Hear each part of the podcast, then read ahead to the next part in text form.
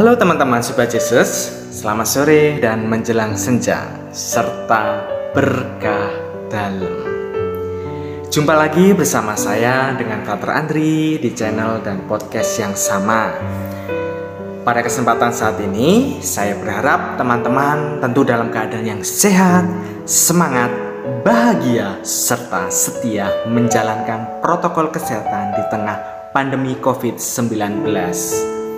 Nah, di senja hari ini, Frater akan membawakan satu tema yang menarik.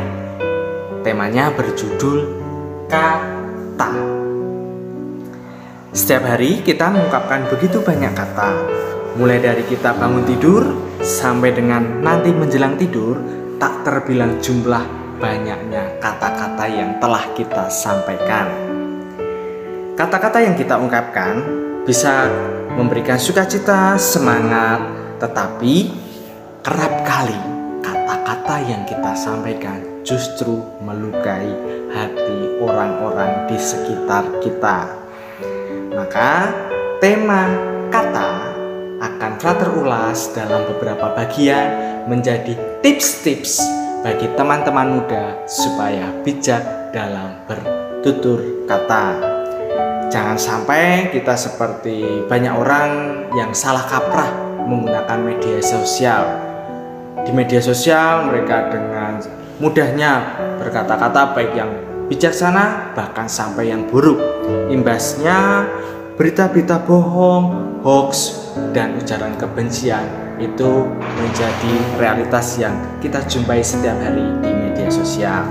Maka Fatar akan memulai tips yang pertama. Yang pertama, setiap kata-kata yang kita ungkapkan itu haruslah bermakna.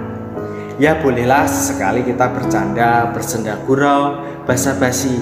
Tapi cobalah setiap kesempatan kita bisa memberikan kata-kata yang bermakna. Sehingga orang lain ketika melihat kita, mendengar ungkapan kita Orang lain akan menilai, oh orang ini ternyata kata-katanya sungguh bijaksana.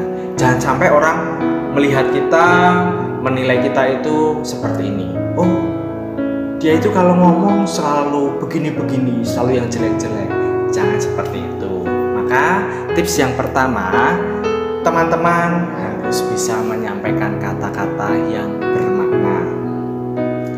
Yang kedua, kata-kata yang kita sampaikan itu selalu berdampak bagi kita sendiri. Jadi, jangan sampai kita itu hanya nato, no action talk only atau omdo, omong doang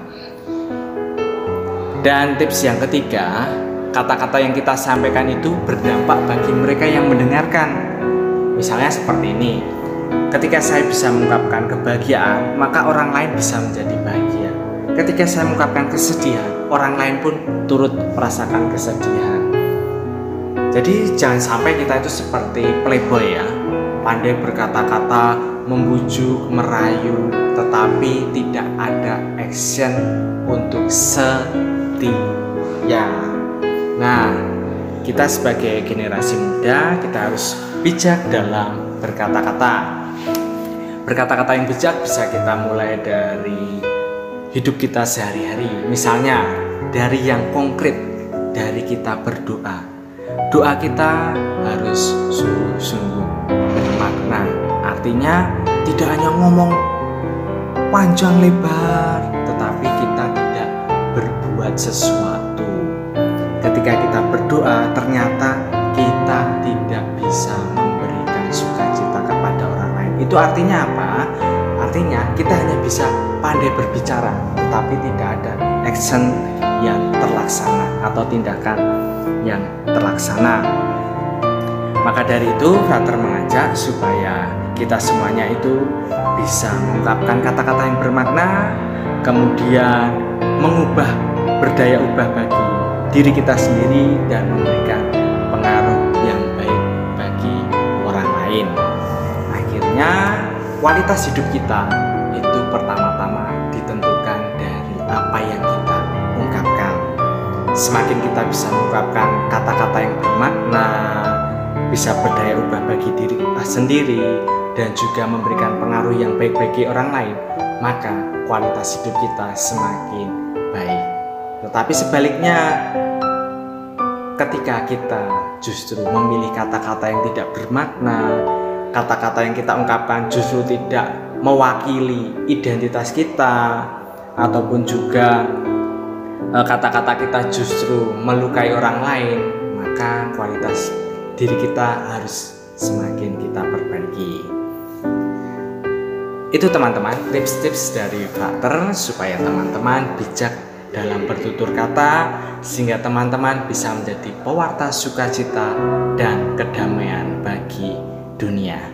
Terima kasih telah menemani senja hari ini bersama dengan Frater. Besok jumpa lagi bersama saya di channel podcast yang sama.